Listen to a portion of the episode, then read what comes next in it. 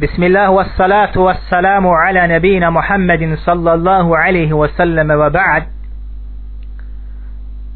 السلام عليكم ورحمة الله وبركاته Draga i poštovana braćo,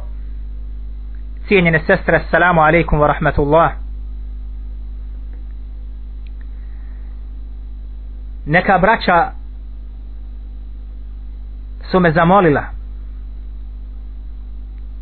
da progovorimo koju da se osježe naša srca da poruke iz Allahove subhanahu wa ta'ala knjige i iz riječi Allahova Rasula sallallahu alaihi wa sallam dođu do naše srca ja sam uporno to odbijao jer ima učenijih od mene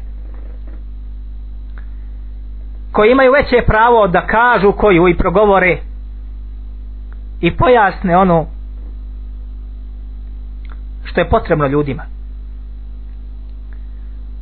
međutim čekajući smo vidi da takvi ili neće da progovore o onome što je najbolnije ili isto tako i oni se klone čekajući da neće doći neko koji je učeniji i da progovori koji o tome pa molim Allaha subhanahu wa ta'ala da ovaj govor bude radi njegova lica subhanahu wa ta'ala i molim ga subhanahu wa ta'ala da nam pomogne u našem večerašnjem druženju da ono bude druženje onih koji traže znanje druženje isto tako onih koji ga žedno piju i iščekuju da ga razumiju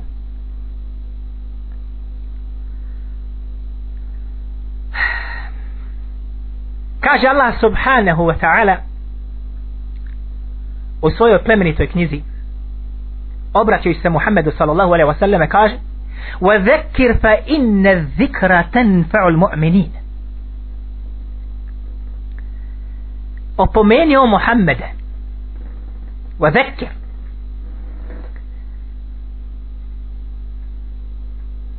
fa inna zikra tenfa'u mu'minin i zaista će kaže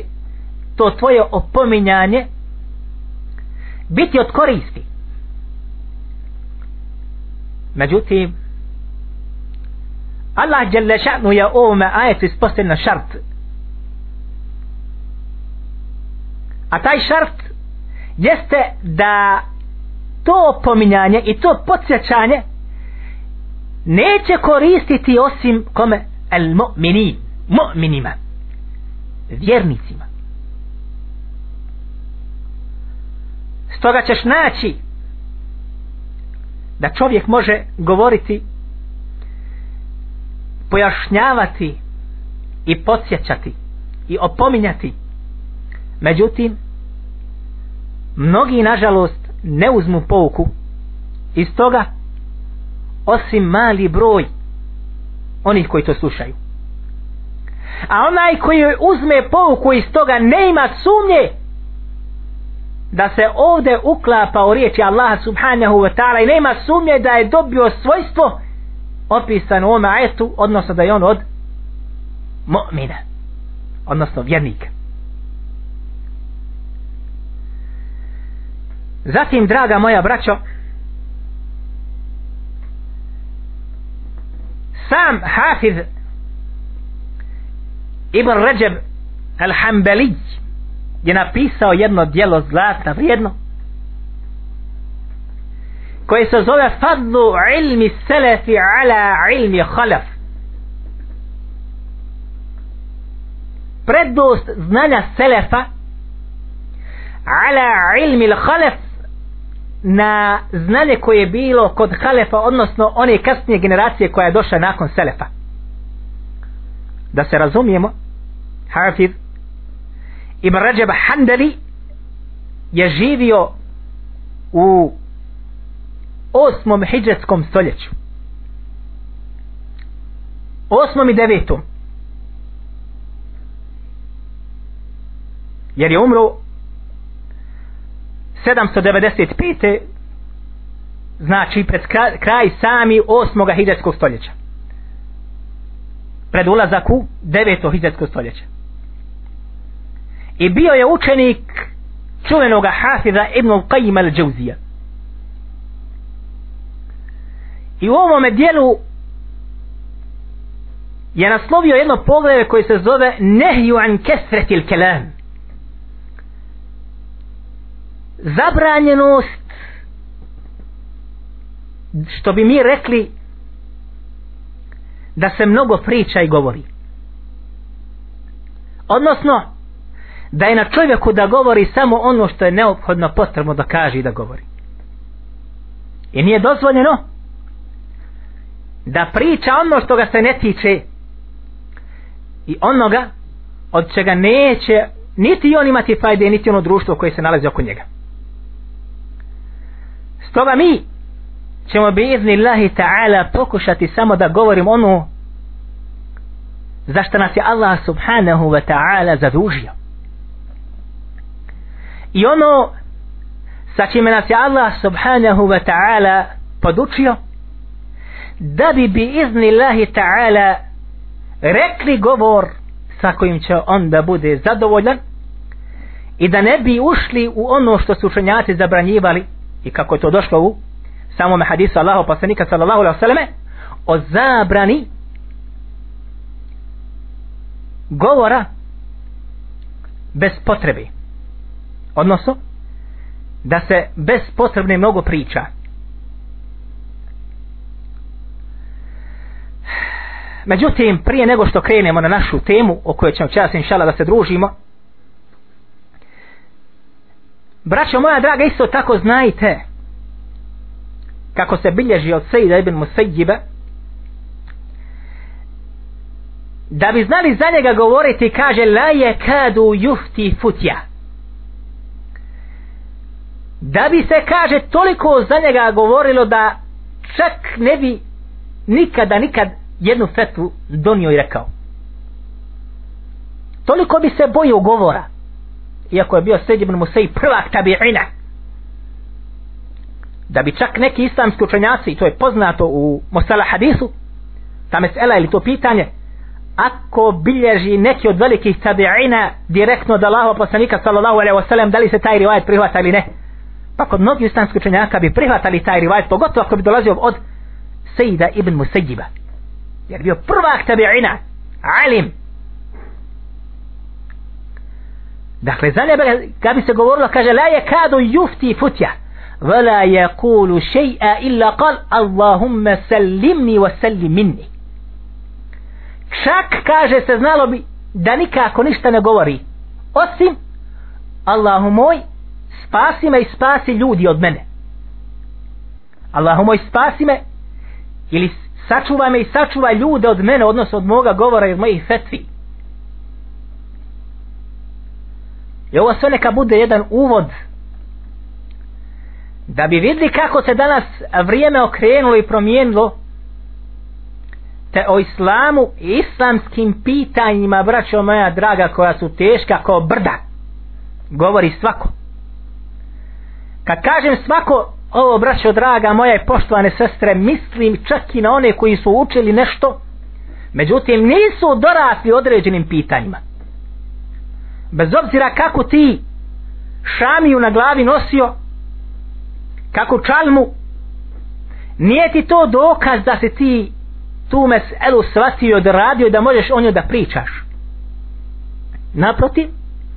za svaki govor koji budeš rekao ne budeš pogodio ili ne budeš doras o tome se bit ćeš pitan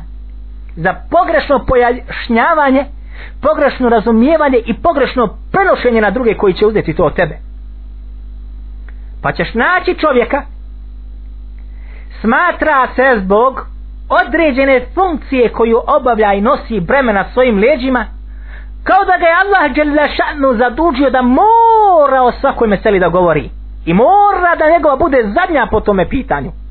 iako nema ilma ili znanja po tom pitanju a vidimo da je Selef bježao od tih stvari što mi kažemo kod žara i žeravice Pa je upitan imamu Šafi'i, i ovo se navodi Ibn Qajm al-đavzi u svome dijelu, koji se zove A'lamu muvaqqa'ina rabbi la'alamin da imamo Šafi'i upitan u meseli u jednom pitanju fa sekete fa qila lehu pa je kažu slutio pa mi je rečeno ela tuđib zar nećeš odgovoriti šta čekaš pa ti si pravnik ti si učenjak ti si imam fa kal pa je kaže odgovorio kaže ostajmo u ovome stanju što bi rekli mi da razmislim da li je bolje za mene da šutim ili da odgovorim bez obzira što možda ja znam tu meselu to pitanje ali ostaj me pobro moj da razmislim šta je bolje za mene šta će se naći ako ti budem odgovorio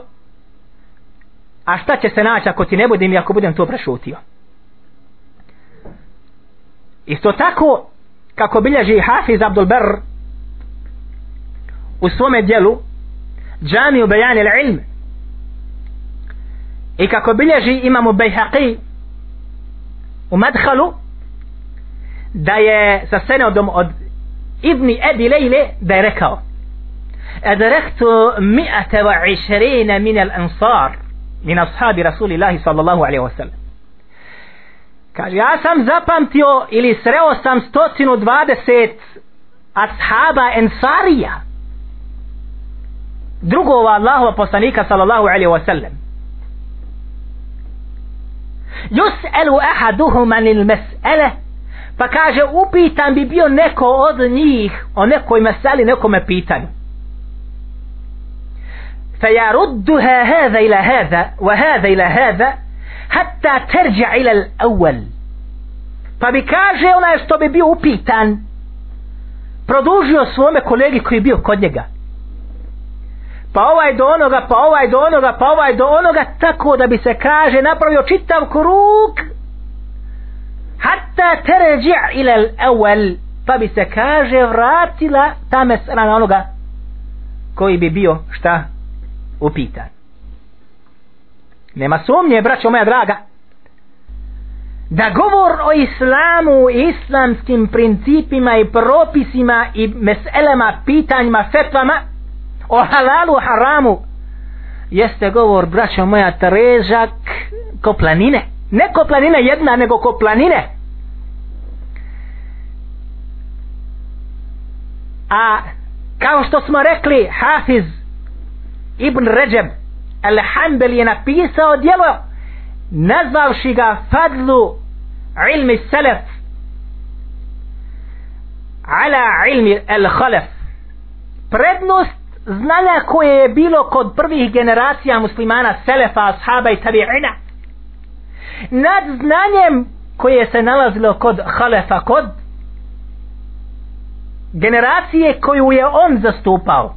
a rekli smo da je umro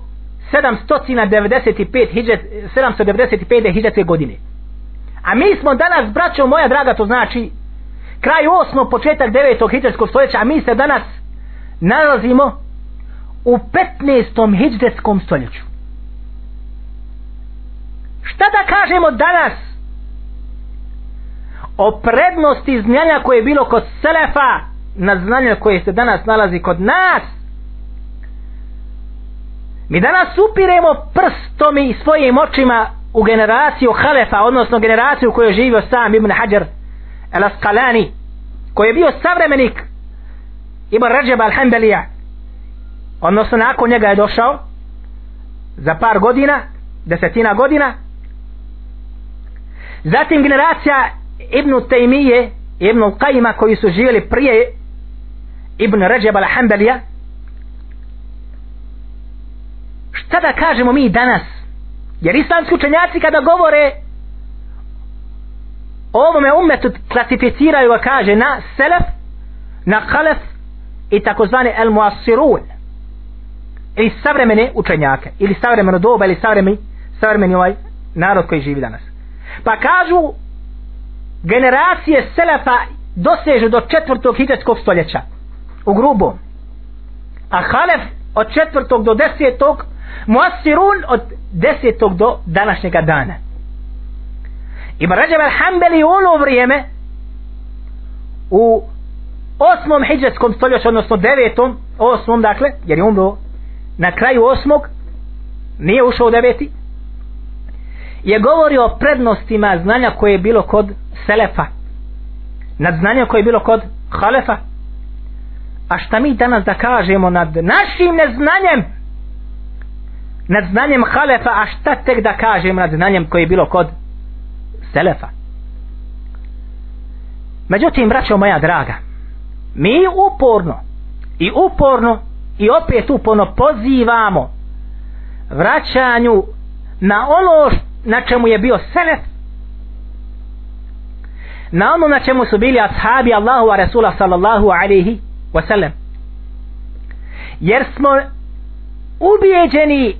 ne stotinu posto nego milijardu posto da je to put ako ga budemo i mi uzeli da ćemo uspjeti Isto tako smo ubijeđeni milijardu postu ako ga budemo ostavili da ćemo izgubiti i da će nas pogoditi poniženje i propast na dunjaluku i neizbježna kazna ako nam se Allah ne bude smilovo na ahiratu. Međutim, postoje braćo moja draga i oni koji ne žele vraćanje ilmu koje je bilo kod Selefa, nažalost, veliku. I koji smatraju da su ovu vjeru razumili i koji daju prednost mišljenju nekog učenjaka ili imama ili ili ili ili nad znanjem koje je nosio selefu salih ashabi Allahova Rasula sallallahu alaihi wa sallam lijepo upakajući u jedan paket sa crvenom mašnom tako kad nezalica od muslimana o taj paket vidi zadivi ga njegova ljepota međutim mi koji smo zavirili hvala Allahu Đalešanu u knjige smo vidli šta je ilmu selef i šta je taj usul ili osnova islamskog znanja i šta su islamski učenjaci rekli po tom pitanju bez ikaka razilaženja među njima a to je da je put ashaba put Allahu Rasula sallallahu alaihi wa sallam put spasa i najbolji put i najbolja uputa i onaj koji bude išao tom stazom uspjeće na dunjalu koji na hiratu a da sve ono što se razlikuje od toga puta jeste propast i jeste poniženje koje će stignuti kada tada onoga koji nosi taj menheđ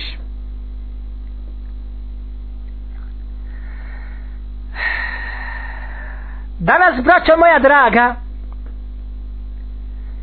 u ovo vrijeme u kojem mi danas živimo pogotovo u našoj zemlji se rade krupne stvari donose se krupne odluke bendovi kako to nazivaju islamske institucije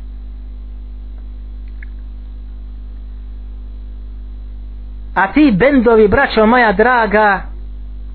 i ti proglasi i razglasi jesu često puta u sukobu sa Allahom subhanahu wa ta'ala knjigom i sa sunetom Allahu apostolika sallallahu alaihi wa sallam naprotiv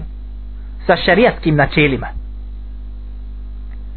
i to vraćo moja vallahi ne može da razumije samo ona koje mi Allah Đelešan dao basiru i onaj koji je Allahom voljom izišao da traži šerijatsko znanje na čistim i pitnim izvorima krupne mesele i pitanje se valjaju koja će da slomiju siguran sam leđa mnogima na Dunjaluku a onome šta ga čeka na ahiretu pred Allahom subhanahu wa ta'ala čovjek se ustraši da razmišlja o tome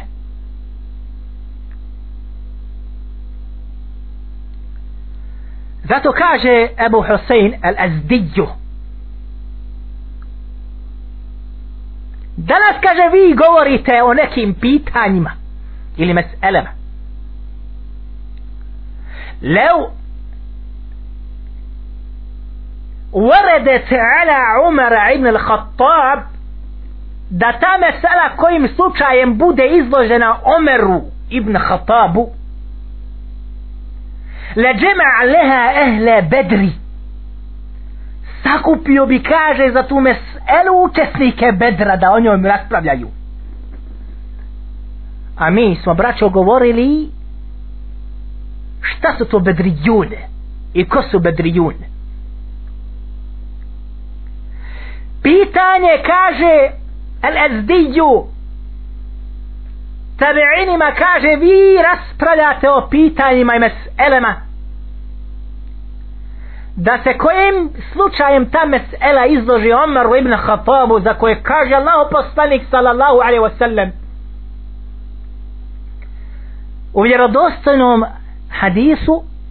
povodite se kaže nakon mene min ba'di nakon mene za Ebu Bekrom i Omerom povodite se za Omerom i Ebu Bekrom nakon moje smrti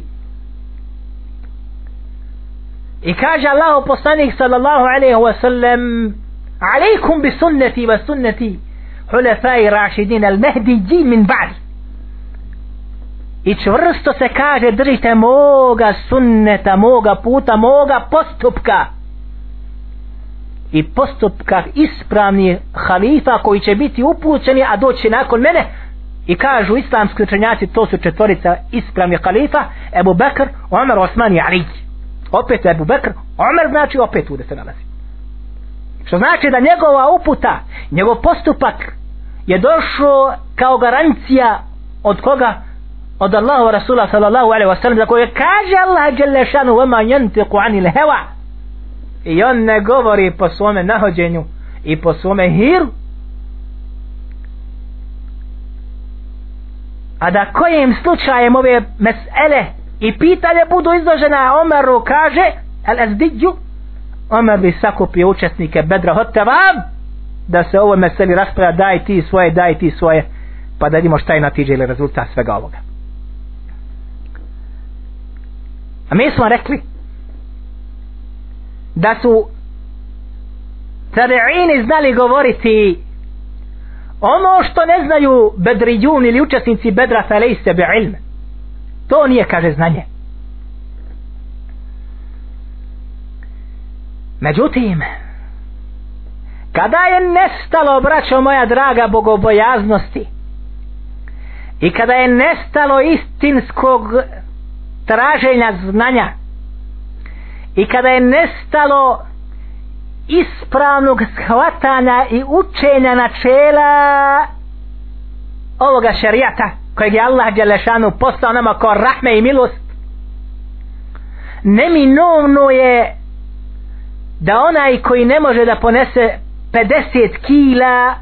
uzme i hoće da ponese dvije stotine neminovno i to je uvijek bilo i to se danas i u našem vremenu odražava pogotovo ovo zadnje vrijeme gdje kipe izjave kako na televiziji, kako u časopisima, tako u svim sredstvima javnog informisanja od čelnih ljudi islamskih institucija, braćo moja draga, koje mu'minsko uho kad čuje hoće da mu srce otvrne.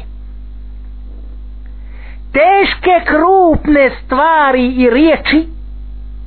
koje braćo moja su se posvađale sa šerijatskim načelima i usulskim pravilima ove vjere bez ikake sumnje i vallahi billahi ja se pitam ili oni to ne znaju ili su ubijeđeni da ono što je kod njih jeste hakko A ono što je rekao Selef i što su rekli učenjaci ovog umeta jeste Bapil. Druge nema.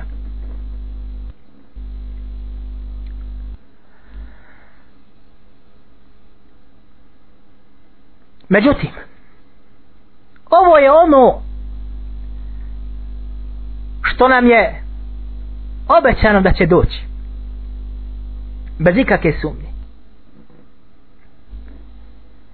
I kaže Allah poslanik sallallahu alaihi wa sallam u vjerovostanim rivajetu koje bilježi man Bukhari da će Allah djelašanuhu da uzdigne ovaj ilme. Pa su rekli kako će ta, dogoditi to uzdizanje, nestajanje znanja? Pa kaže usmrćivanje mučenjaka nestaće znanja. Kada učeni ljudi, braćo moja draga, nestaju ili odlaze sa ovoga svijeta ili umiru, neophodno je da na njegovo mjesto dođe ko? Sličan njemu koji će ga zamijeniti u tome poslu. A često i neminovno jeste da onaj koji dođe nakon njega nije na stepenu onoga koji je bio prije njega.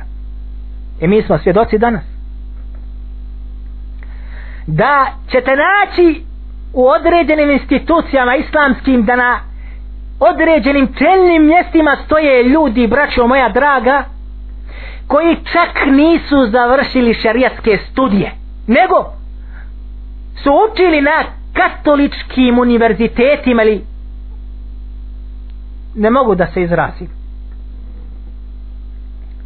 Rećem ovako, da bude blago. Ja vas pitam, braćo moja draga, da li vi možete da zamislite da neka da li pravoslavna ili katolička crkva pošalje svoje studente na univerzitet u Medinu ili u Azar u Kairo da tamo izučavaju šerijatske norme i načela zatim da je kad se vrate postave na najodgovornija mjesta kako u samoj crkvi tako i u njihovim institucijama obrazovanja nemoguće reći će im hej, hej ste učili tamo kod muslimana možete biti eksperti kod nas za islamska učenja i odnese između muslimana i nas ali da ti meni dođeš da predaješ nama osnovu naše vjere ne može nikako to je nepojmljivo i neshvatljivo posvađalo se sa razumom međutim kod nas muslimana Bosne može, nije problem pa ćete naći čovjeka ja neću spominjati imena da uči i izučava i stiče disertacije na katoličkim institucijama a zatim nakon toga da predaje na određenim islamskim institucijama predmet koji se zove el-aqida ili islamsko vjerovanje koje je braćo moja najosnovniji temelj ove vjere i kojeg može da samo predaje osoba koja je istinski potkovana šerijatskim znanjem u svim sferama ja vas pitam šta mislite braćo moja draga kada bi na čelo neke građevinske firme došao elektroinženjer On je inženjer. Ali taj inženjer nema veze sa građevinarstvom. Ili šta mislite kada bi na mjesto projektanta došao mašinski inženjer koji isto tako zna projektovat šerafe, zna tamo mašinama sve, najmanje detalja, detalje na crta, međutim, pobro moje, nije to kuća i zgrada. Ne ide. Ne ide. Ili šta mislite kada bi na mjesto hirurga došao stručnjak za uho, grlo i nos? Specijalista. Ne ide. Mora doći na određeno mjesto striktno određena stručna osoba da bi taj posao mogao da bude efikasan mija fil mija kako kaže Arafi 100%. Pa dobro pobra ako take norme i taki jaršini i taki pedliš važe u čitavome svijetu zašto kod nas muslimana u Bosni ne važi šta je razlog braćo moje drage zato kažem valjaju se pitanja i govori izlijeću od koji ako bi se vratile Omeru sabro bi sigurno bez ikake sumnje učesnike bedra ili bi braćo moja draga hvatio se one svoje sabljetine i povikao da su danas u muslimanskim kožama nažalost nalaze oni mnogi koji to nisu dobro reko će reći kako to moj ah babu lijepo braćo moja draga vi znate da se nama prigovara mnogo što šta kad kažem nama muslimanima koji praktikujemo ovu Allahu te bareke ve ta'ala vjeru kako je on naredio i kako nam je Allah poslanik sallallahu alaihi wasallam isto tako naredio preporučio da se radi i kako je to razumila najbolja generacija sallam poslali odnosno sahabi ridvanu Allahi alaihim i ako se mi okitimo tome izvana i iznutra moraju doći na tebe kritike to je bez ikakve sumnje pa dogodi se i to je neizbježno i neminovno da neko pogriješi da se loše ili ružno ponese da koju kaže, koju ne bi trebao da kaže, koja je oštra, nekulturna, što bi rekli tako dalje, pa kažu vidio ih kako su neobrazovani, vidio ih kako su neotesani, vidio ih kako su opasni po društvu, i tako dalje, i tako dalje, i tako dalje. I to nama pribacuju ko? Iz islamskih institucija. Neku veče imao sam priliku da vidim na Beogradskoj televiziji Allah me tako počastio neki Mevludović ili Mevlud, ne znam, nija dole iz onaj Mešihata, Sanđačkog bio gost, jer ovo mi nisam zapamtio ime.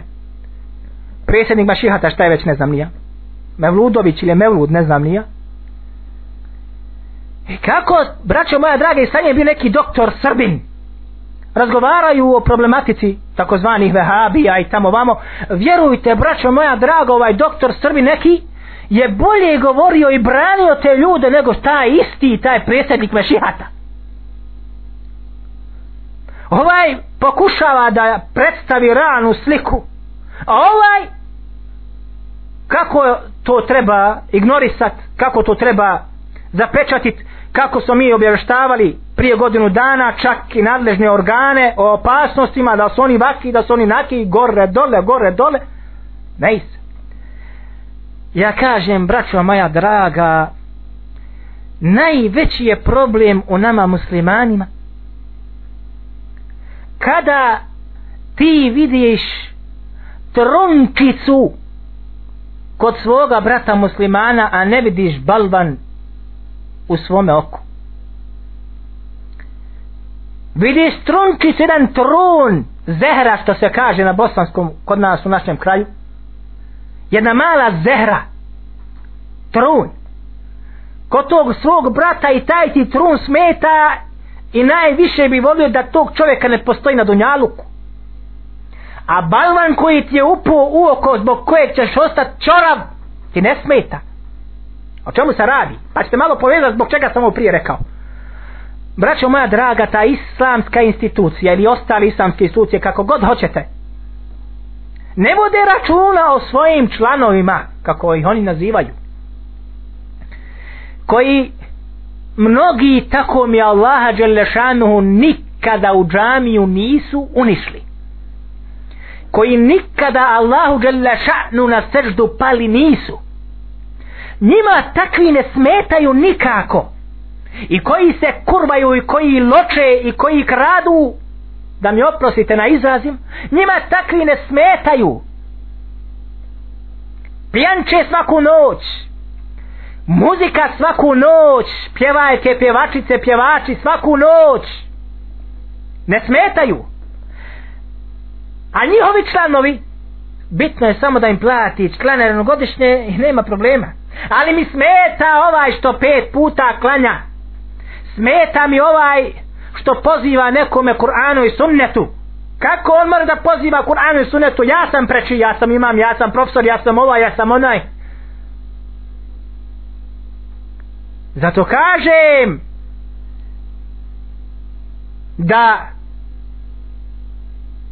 ono što je došlo da sahaba ridvanu lahi alejhim bez ikake šubhe, bez ikake sumnje po konsenzusu ili džmau jeste da onaj koji neklanja nije, mu, nije musliman Ali taj je zaštićen ko bijeli medvjed što se kaže, polarni onaj medvjed, zaštićen je ko takvi, ne smeta. Međutim, onaj tamo, kako nazivaju Vahabija, smeta politički problem broj jedan koji želi da sruši djersku instituciju. Molim ja tebe. Wallahi, niko ne želi to da ruši. Radi svoj posao. I nema nikakvih problema. Za ono što te Allah Đelešanu zaduže, za što ćeš biti pitan na ahiretu, dobro radi. Radi ja ću ti pomoć ne trebaš mi dinara dat samo da se riječ islama dostavi i ispravno shvati razumije makar to bilo u sukobljavanju sa našim adatima našim običajima jer ova vjera nije vjera običaja nego vjera je ova sagrađena i bazirana na poznatim temeljima koji su pojašnjeni, riješeni i prihvaćeni kod ehli suneta val džemata pa ako budeš ti odbaci ono na čemu se složio ummet od prvog hidreskog stoljeća do dana današnjeg i dao prednost adetima neminovno je da ćeš me naći na suprotnoj strani to je bez daljnjeg jer mi smo shvatili ono što je rekao Allah i ono što je rekao njegov poslanik sallallahu alaihi wasallam i nećemo ga prodati niti mijenjati Stoga ako budeš to mijenjao i davao prednost adetima ili običajima, ne možemo se brato moj naći u jednoj sobi nikako. Jer kako kaže Ibn Kajmel Dževziju, neprijateljstvo između sljedbenika i bidata i sljedbenika istine ili Kur'ana i sunneta je kaže vidno kao sunce u vedrom nebu mržnja mora da bude jer kaže sljedbenik bidata i praktikant bidata i novotarije mrzi sljedbenika haka istine Kur'ana i suneta zbog toga što on to ne praktikuje ne praktikuješ bidat a praktikuješ hak i on te mrzi zbog toga kako ti moraš biti na istini a ja nisam a ovaj što je na istini mrzi sljedbenika bidata zbog čega? zbog toga što je na dolaletu i poziva ka dolaletu i neizmjerno tako da bude i dokle god se ne budemo sakupili i okupili oko sope koja je skuhana po propisima dovoljno solidato i tako dalje neće biti efekta niti će biti onoga što je Allah Đerlešanu naredio a to je bratstvo u ima Allaha te bareke wa ta'ala jer kako da voliš onoga koji radi bidat i praktikuje bidat kad kaže kave jad onaj ko pomogne bidadžiju notara pomoga je kaže na rušenju islama fi hedmil islami rušenju islama i kako bilježi At-Tabaraniju u Kabiru od Ibn Abbas rivajet gdje kaže Ibn Abbas svake godine se kaže uveda jedna, jedna novotarija a kaže kad god se uveda jedna novotarija usmrti se sunnet usmrti se braće ovako je došao izraz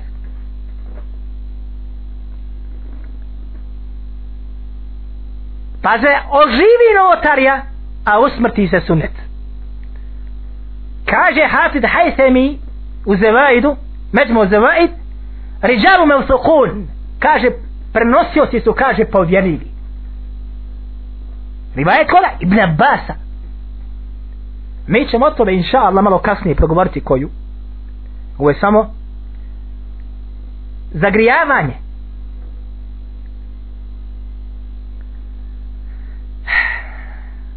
Stoga, da bi bilo napretka, kako kaže naš narod, napredak, odnosno bereketa, u islamskom radu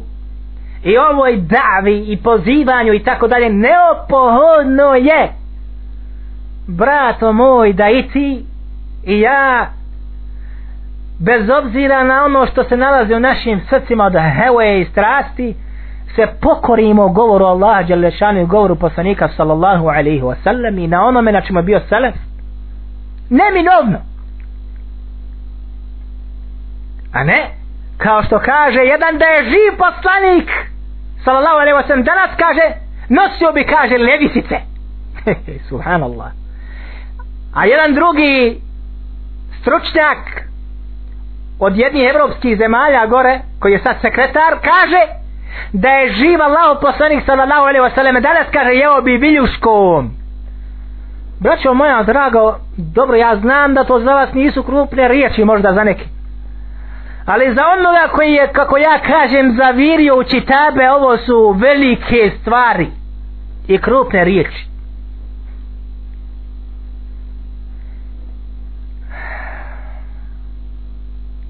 molim Allaha subhanahu wa ta'ala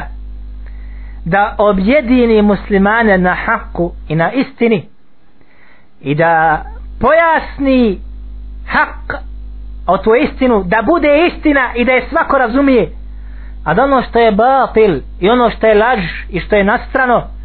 da ljudima pojasni se i pokaže se i da to ljudi shvate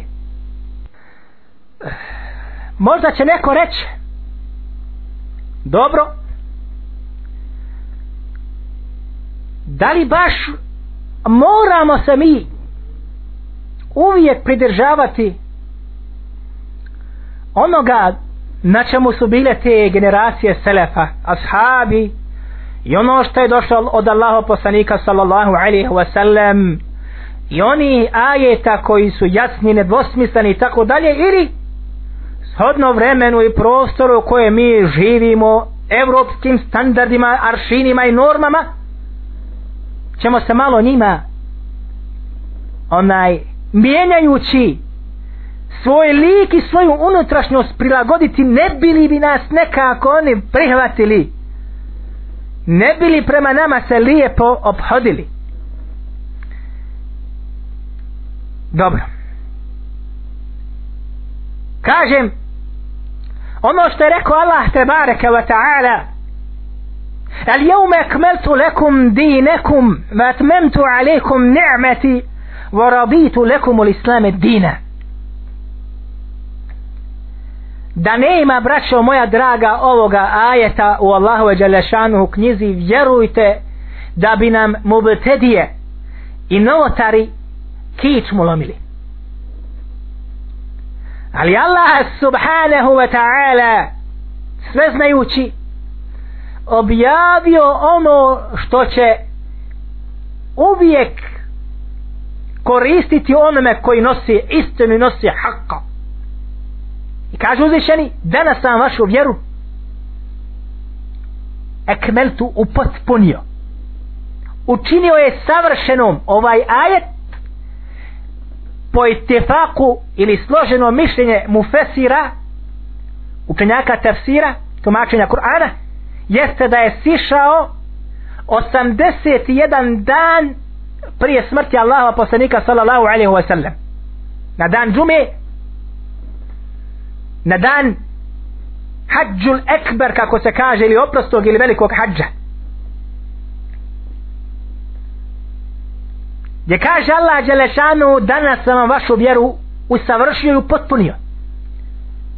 Račo, moja draga, navodi se nekim rivajtema kada je ovo objavljeno da je Omer počeo da plaće pa su rekli zbog čega plaćeš kaže ništa nije došlo da je se usavršilo a da nakon toga neće doći naks ili manjkavost ili okrnjivanje znali su to ashabi jer su živjeli sa najboljim robom koji je hodio dunjalokom Allahom Rasulom sallallahu alaihi wasallam jer su svoj život podredili knjizi Allahu i Đalešanu ili sunetu Allahu posljednika sallallahu alaihi wasallam danas sam vašu vjeru savršio potpunio وَاتْمَمْتُ عَلَيْكُمْ نِعْمَتِي i svoje blagodati prosuo na vas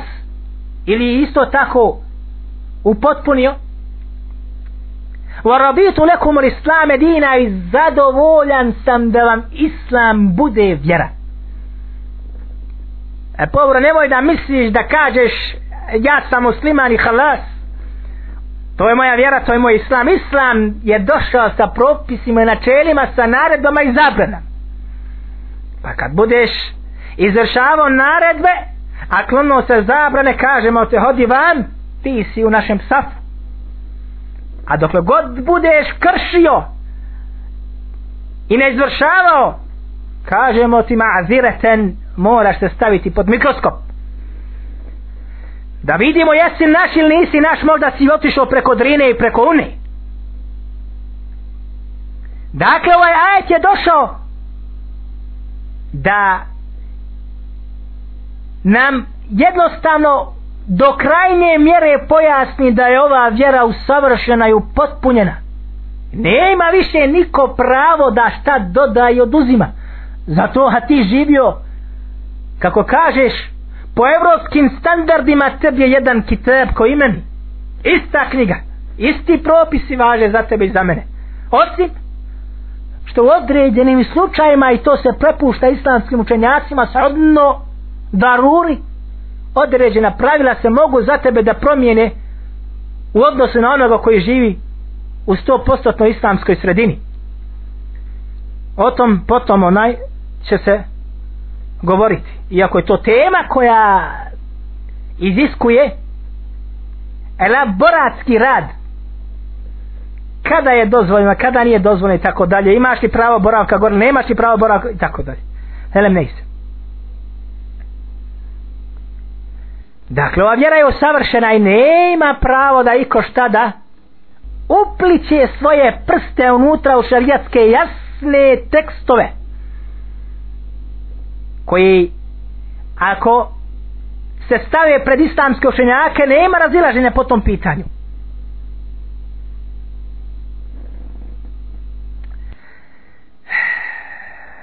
Zato Ebu Daud bilježi rivajec od Ebu Derda da Allah poslanik sallallahu alaihi wa sallam rekao lakad te rekutukum ala misli bejda kaže ostavio sam vas kaže na stazi ala misli bejda potpuno bijeloj potpuno svjetloj lejluha wa naharuha sevaa gdje kaže njezina noć potpuno jednaka dan takva staza ostavljena od Allaho poslanika sallallahu alaihi wasallam ostavio je ovaj umet na potpuno bijeloj i osvijetenoj stazi ili putu ili tarijeku gdje je noć poput dana nema nikakve razlike u drugom rivajetu kaže lejluha kenehariha la yazighu anha ba'di ila halik kaže njezina noć je ista kao što je dan la yazighu anha ila ba'd ila halik i kaže neće sa nje skrenuti nakon mene ila halik osim onaj koji je kapitulirao i propao tako je ostavio poslanik sallallahu alaihi sallam ovaj ummeti za svoje smrti nakon što je otišao Allahu Đalešanu ostavio je ovaj umet gdje je ta staza po kojom treba da korača ovaj umet osvjetena do maksimalne svjetlosti gdje se ne može prepoznati noć od dana gdje je svjetlo 100% bilo da je noć, bilo da je dan jednako svjetlo Lejluha ve neheruha seva gdje je lejl ili noć identična denu a zatim kaže la jezigu anha ba'di illa helik i neće sa nje skrenuti jer je to nemoguće jer možeš ti da zamisliš da hodaš putom koji ti je 24 sahata osvjetljen 100% procentno svjetlošću a zatim da zalutaš sa njega jer možeš zamisliti to ako skreneš sa tog puta lijevo ili desno odeš u tamu a po onome što ti koračaš je 100% svjetlost zato se dolazi ovde ibret i ta džib čuđenje neće sa te kaže Allah poslanik sallallahu alaihi wa sallam staze da skrene niko osim helik onaj koji je propoj kapitulirao svako dobro izgubio I kaže šeha Albani u Selseli da je ovaj rivajet vjerodostojan. Jer samo ovo, ako bi ti sad slušao moje tumače i rekao, eto, ti kažeš. Slušaj, pobro moj, šta kaže Abu Darda nakon što navodi ovaj rivajet. Kale Abu Darda. Sadaka, wallahi, Rasulullahi, sallallahu alaihi wasallam. Kaže, tako mi Allaha, Allah, Allahu poslanik, sallallahu alaihi wasallam, je rekao istinu terekena wallahi ala misl bejbaj lejluha ve neheruha seva kaže ostavio nas je tako nam Allaha djelešanuhu na stazi bijeloj osvjetljonoj gdje je kaže noć i dan potpuno jednak ovo kaže ashab Allah wa Rasula sallallahu alaihi wa sallam Abu Darda čuveni ashab međutim onaka iskal problem problem sam Ebu Derda, braćo moja draga, kako navode imamu Bukhariju u svome sahihu, od Umi Derda, njegove supruge, kaže, dehale Ebu Derda, dehale Ebu Derda, ušao je, kaže Ebu Derda, meni jednoga dana,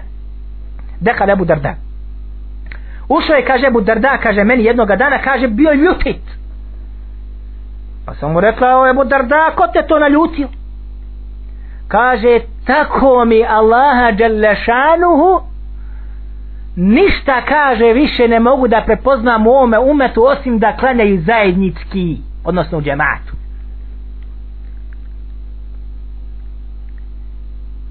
došlo je do devijacija i kaže imamo šalpibidiju nakon što ovo navode kaže u svome djelu el etisam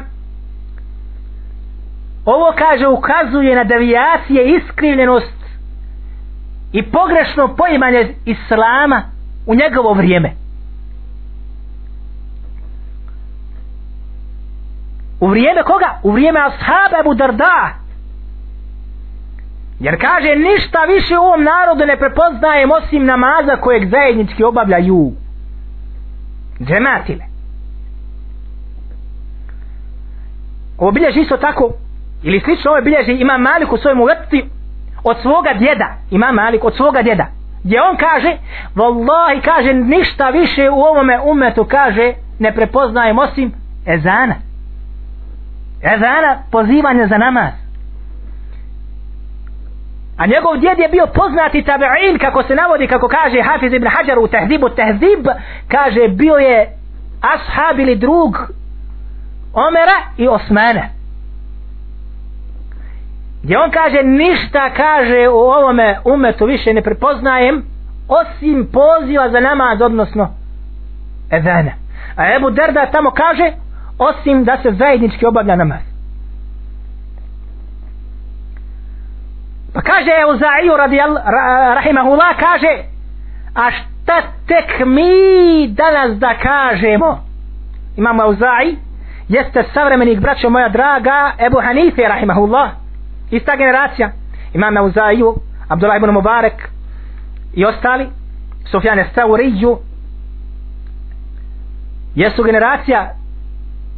ili Ajube Sehtijani i tako dalje, ista generacija vrijeme, znači kraj prvog hidžetskog stoljeća i početak drugog.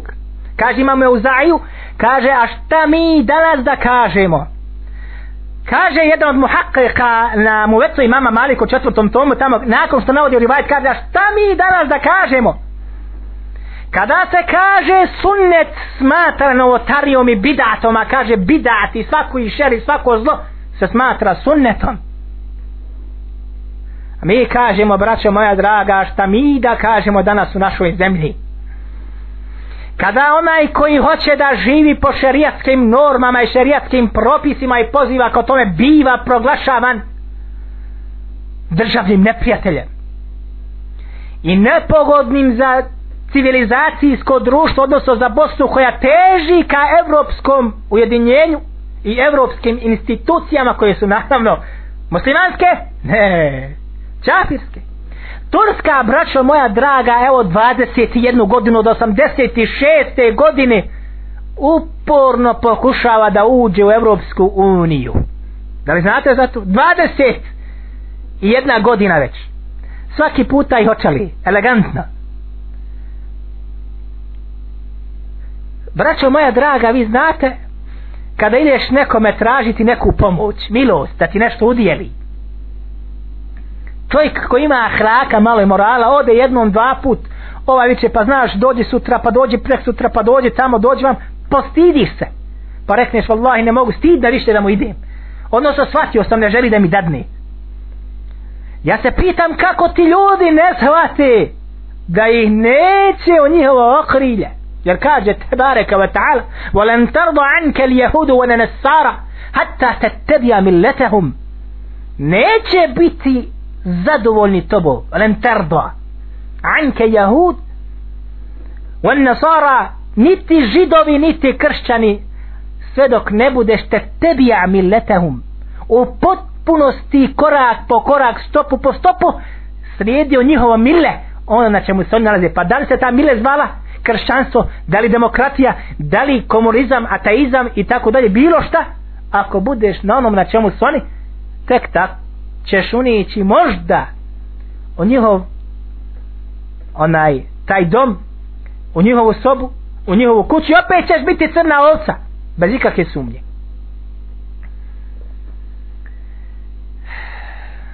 sa ovim bi zaključio ovo naše izlaganje koje ćemo bi izni Allahi ta'ala nastaviti molim Allaha subhanahu wa ta'ala da otvori oči muslimanima i da ih vrati izvorima a to je Allahova jalla šanu knjiga Kur'an i to je sunnet Allahova poslanika sallallahu alaihi wa sallam i to je ono na čemu su bili ashabi Allahova Rasula sallallahu alaihi wa sallam bez ikake sumnje, bez ikaka šekka što bi rekli naravno da svaki onaj koji govori griješi pa ono što sam pogriješio jeste svakako greška koja nikako nije od šarijata da se ne smije smatrati i prebacivati šarijatu nego greška moja i molim Allaha subhanahu wa ta'ala da mi oprosi